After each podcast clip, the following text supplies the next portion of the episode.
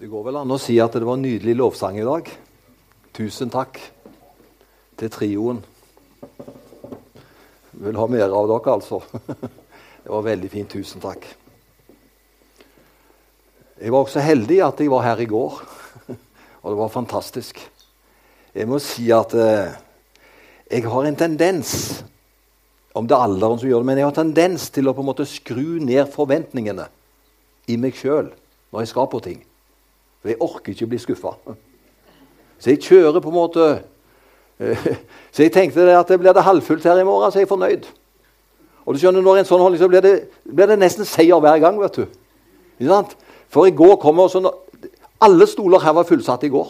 Når det var inne, bare, du kan se på, Alt her var fullsatt. Og så var det noen der ute også.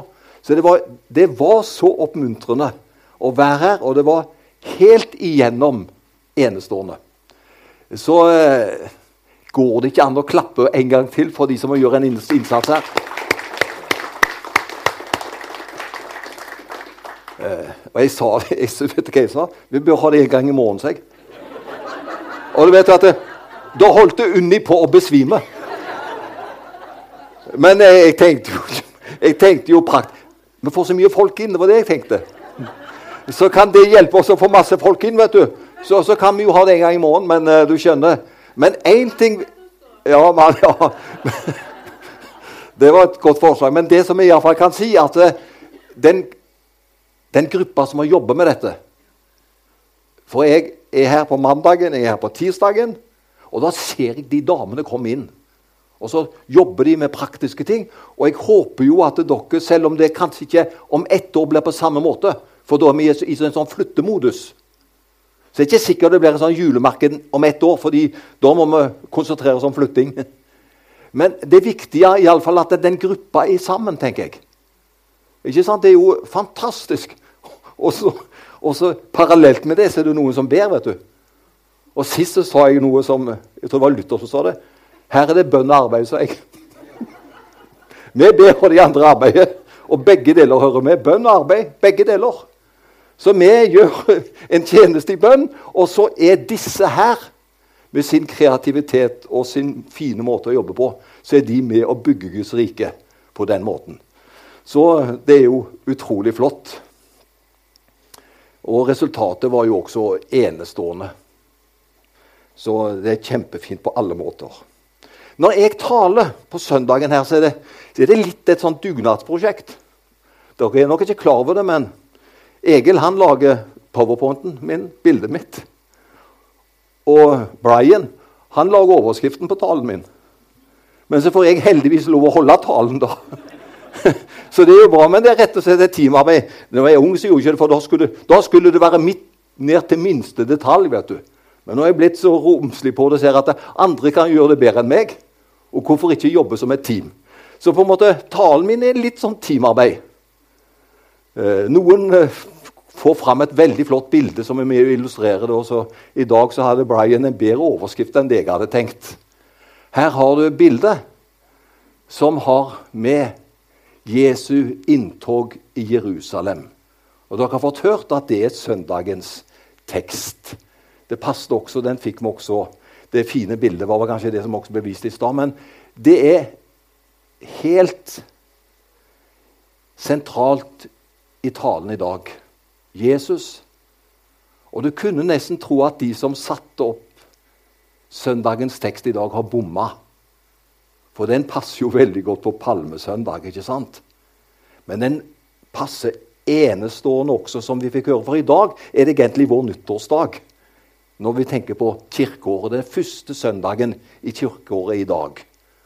Og da er det fint at Jesus han rir inn til Jerusalem til noe som skal være vår fullstendig seierstog.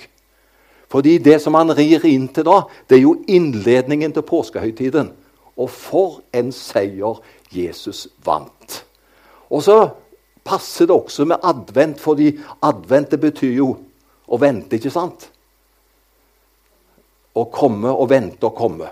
Altså Vi venter på Jesus som skal bli født.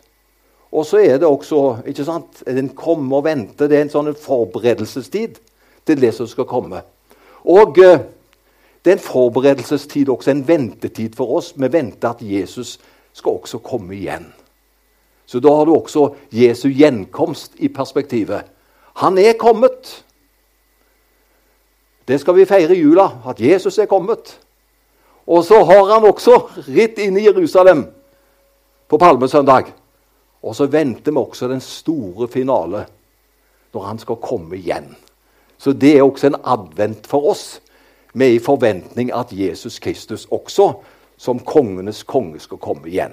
Der har vi knytta det i sammen. Det som er altså teksten vår, som allerede har fått lest, som ikke jeg skal lese, for den er lest, Matteus 21, 1-11, så er det som sagt også en forberedelsens tekst til, eh, til påsken. Og i dag har vi en forberedelse også til julen, som jeg har sagt.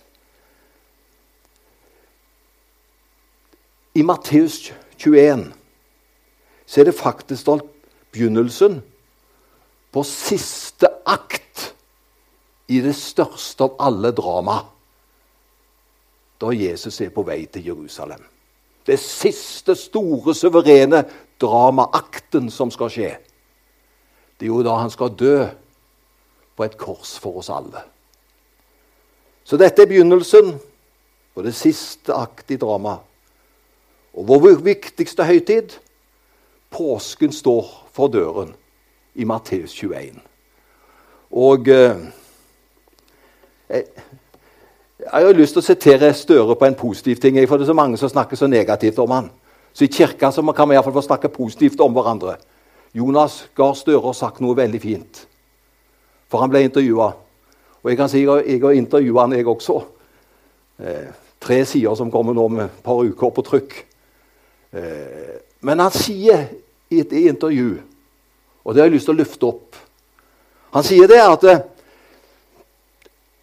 det, er ikke så lett å forholde meg til Jesus i jula, sier han. Men Jesus i påsken, den betyr mye for meg. Er ikke det bra sagt, da? Og det må jo være noe som vi kan heie på og takke Gud for. For det er ingenting som er så stor som det Jesus gjorde for oss i påsken. Og Det kan vår statsminister forholde seg til og si at det, det har han et forhold til. Litt vanskeligere med Jesu barnet, sa han. Men det som skjedde i påsken, det er blitt et realitet i hans liv. Og det har jeg lyst bare å, å takke Gud for. At eh, påsken betyr noe helt spesielt for oss. Og det som skjedde på denne dagen, palmesøndag Det var noe enormt som skjedde i Jerusalem akkurat på den dagen. Og Derfor var det ingen tilfeldighet at Jesus valgte den dagen. Men Jesus var en strateg. vet du. Han visste når han skulle slå til. Og det var helt perfekt for Jesus å slå til med denne veldige akten nettopp på palmesøndag. Fordi Jerusalem og hele nabolaget var tettpakka med pilegrimer på denne høytiden. Noen har regnet seg fram til hør, at det kanskje gikk så mange som en kvart million lam til under høytiden som ble slakta. Det er mye, det. 250 000 lam ble kanskje slakta. Og så vet vi, når vi har lest vår bibel, at for hvert lam måtte det være et selskap på minst ti personer. Og hvis du da ganger 250 000 lam med ti personer ikke sant, til hvert lam. Da kan vi regne ut at det var kanskje rundt 2,5 million mennesker i Jerusalem i påsken. For en folkefrimmel! Jeg skal si Jesus valgte et strategisk tidspunkt for inntoget til Jerusalem. For alle fikk høre og vite om det. Og dette var jo noe som skulle komme alle til del. Jesus kunne ikke ha valgt et mer dramatisk tidspunkt for inntoget i Jerusalem enn det han gjorde. Hele byen og områdene bølget av oppspill og religiøse forventninger. Men dette handla ikke om en plutselig og spontan innskytelse. For det hender jo noen ganger at vi er spontane og gjør ting på sparket. Dette var ingen spontan innskytelse fra mesterens side. Han fulgte den planen som var satt for hans liv. Og Da har jeg lyst til å lese ifra en salme. Tenk deg det står om Jesus i alle skrifter i Det gamle testamentet. De peker jo mot Jesus, ikke sant? Og i Salme 118 Det er blitt kalt for en Messias-salme. Der står det noe om det som skulle skje på denne dagen og denne høytiden. Det var forutbestemt. Så dette var ikke noe spontant. Det var midt inne i Guds plan. Men det skjedde på en så fantastisk tidspunkt med så mye mennesker til stede. Og Da leser jeg fra Salme 118, vers 17 først. Jeg skal ikke dø, men leve og forkynne Herrens gjerninger. Jeg synes det er flott. Du skjønner, Jesus han skulle jo ikke dø. Han måtte bare ned i grava, og så for han opp igjen. Og Derfor står det 'Jeg skal ikke dø', en Messias-salme. Men jeg skal leve og forkynne Herrens gjerninger. Og fra vers 22 til 26 i samme salmen Steinen som bygningsmennene forkastet, er blitt hovedhjørnesteinen. Så står det dette er Herrens verk. Det er underfullt i våre øyne. Dette er dagen som Herren har gjort. Vi vil fryde oss og glede oss på den. Å Herre, jeg ber deg, frels nå. Å Herre, jeg ber deg, la det nå lykkes. Velsignet vær Han som kommer i Herrens navn. Ja, velsignet dere fra Herrens hus. Her ser du det er et sånt annet omskrevet, men det er jo midt i palmesøndag denne salmen viser til. Og Jesus han rir inn i den perfekte tiden og han vet hva som møter han. Og mengden i Jerusalem på denne dagen de tok imot Jesus som en konge. De bredte ut kappene sine for ham. De vinket med palmegreiner. De hilste ham som de ville hilst en pilegrim. Og så roper de Hosianna, være du som kommer i Herrens navn. Hosianna, det betyr 'frels nå'. Dette er rop om hjelp fra et folk i nød. Og dette folket på dette tidspunktet var jo et folk i nød. ikke sant? De var okkupert. Det er et rop om hjelp fra et folk i nød. De ropte, 'Herre, gi oss frelse nå.' Nå trenger vi det! Ikke om 100 år. Herre, gi oss frelse nå. Og når profetene ikke lenger hadde ord eller uttrykk for sitt budskap, så brukte de dramatiske symbolhandlinger. Vi kjenner til det, ikke sant? For de brukte dramatikk. De viste det gjennom handlinger når de ikke hadde lenger ord de kunne bruke.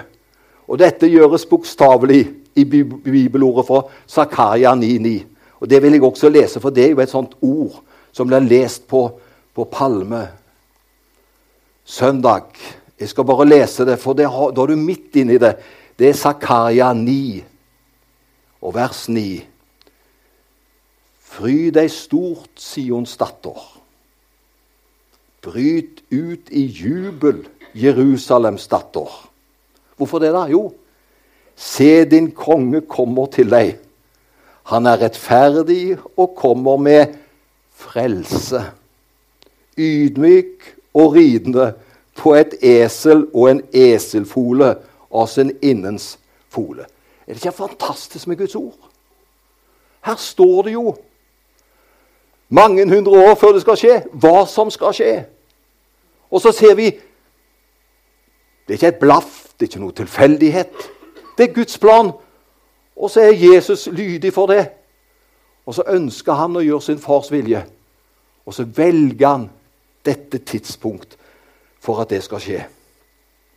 Jesus rir på et esel, en eselfole som ingen har ridd på før. Og jeg kan bare tenke meg i min fantasi hvordan det må være å få et voksent menneske opp på en rygg på et ungt dyr som aldri har gjort det før. Det er jo en kjempesjanse å ta. Som om ikke det er nok. Det skal bli demonstrert for en hel verden. for det. Jeg, nevnte det at det var kanskje 2,5 millioner mennesker der. Tenk på hvor mange som ville få dette med seg. Hvor mye mange det kunne vært en fiasko for hvis dyret løp løpsk, for å si det sånn, og skapte kaos. Men jeg tror det skjedde noe også med dyrenaturen her. Og Jeg syns det var fint det du sa. Tenk for en ære for dette dyret, som aldri hadde vært borti noe sånt før. Og så får hun bære vår mester og frelse inn i byen. Og Herren han bruker i sannhet hvem han vil. Og så er det at selv denne unge folen hun må bare være så harmonisk og gjøre det så majestetisk som hun kan. Og det vekker ikke For det hadde stått i teksten hvis det hadde vært Texas her. Men Det var ingen Texas her, vet du. Det var ingen kaos her. Her er det et ungt dyr som sikker med stolthet. Hun visste selvfølgelig ikke hva dette skulle bety, men hun bærer vår frelser og konge inn i byen, samtidig som menneskene står der med palmegreiner, og de roper 'Hosianna, Han som kommer i Herrens navn'. Det var jo på en ydmyk måte.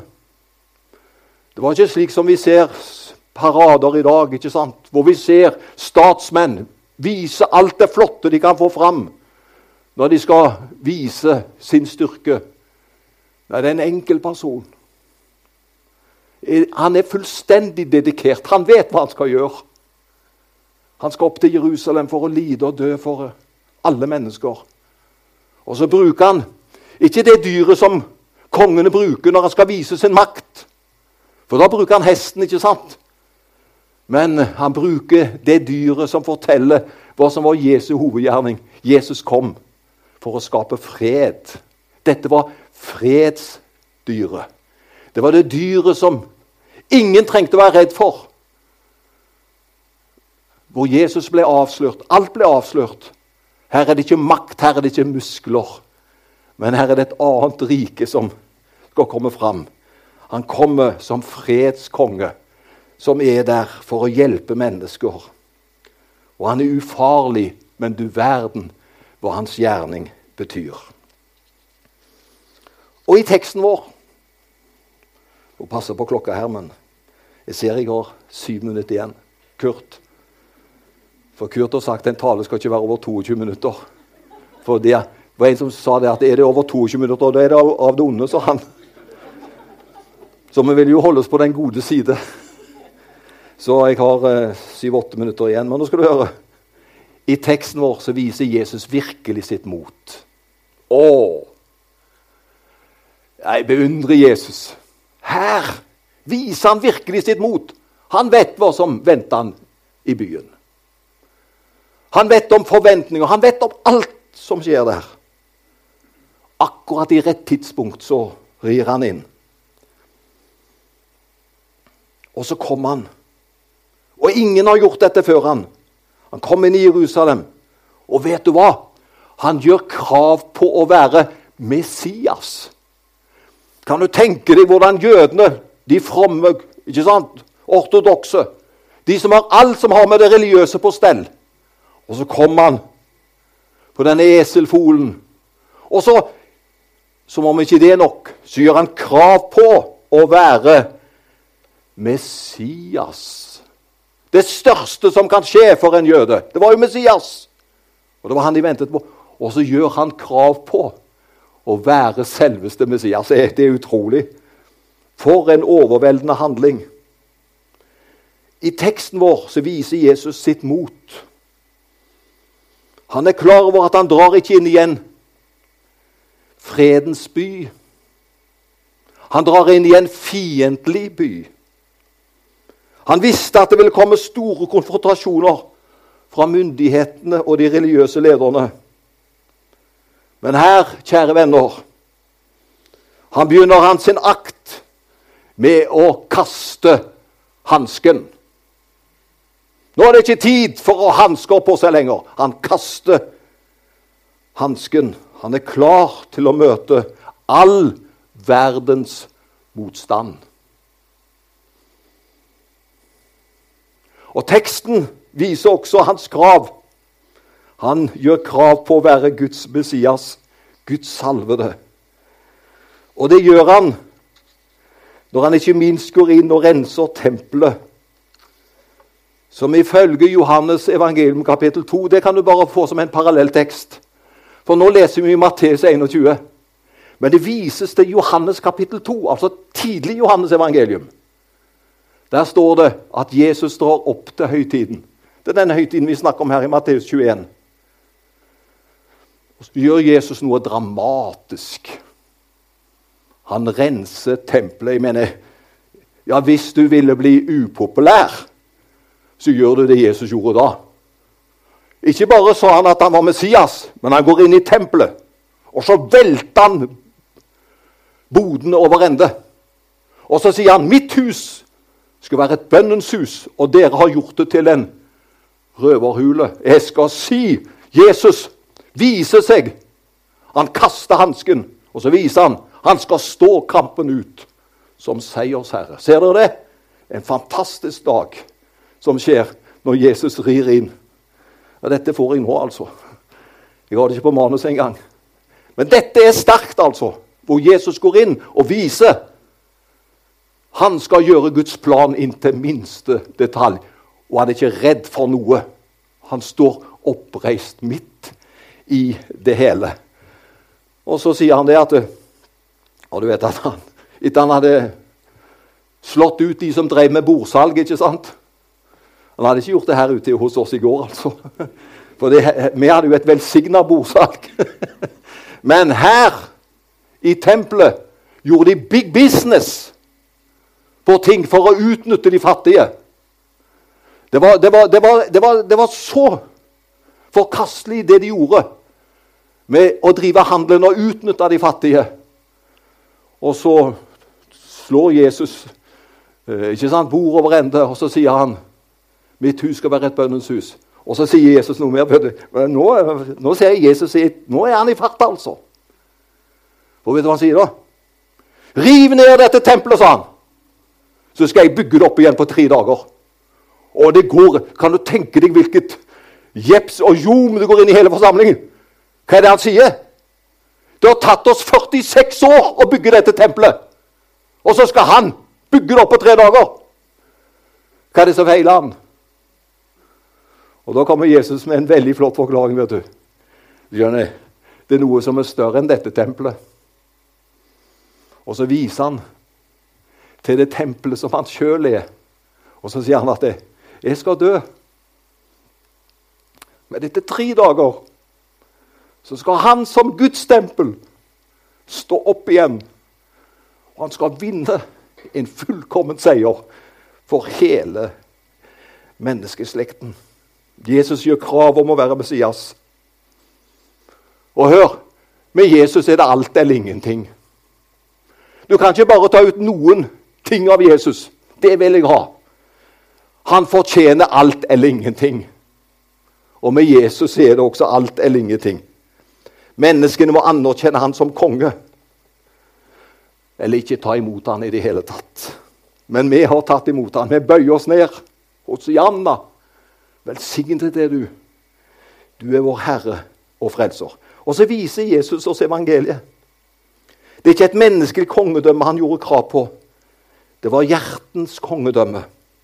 Han kom ydmyk og ridende på et esel. Eselet var et edelt dyr i Østen. Kongen red på eselet når han kom med fred. Og Jesus er fredens konge. Han kom ikke for å ødelegge, men for å elske. Han kom ikke for å fordømme, men for å hjelpe. Han kom ikke med våpenets makt, men med kjærlighetens styrke.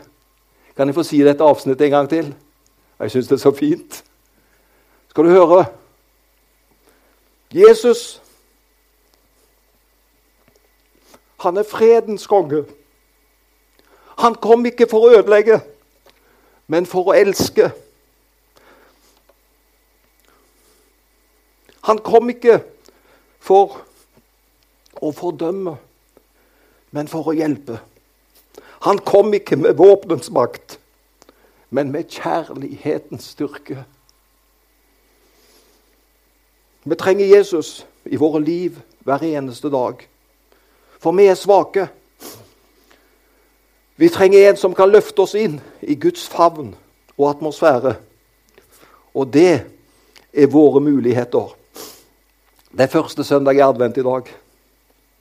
I dag ble Jesus gjennom bibelteksten satt på den plassen han virkelig skal ha. Ære være Faderen og Sønnen og Den hellige ånd, som var, er og blir en sann Gud fra evighet og til evighet. Amen.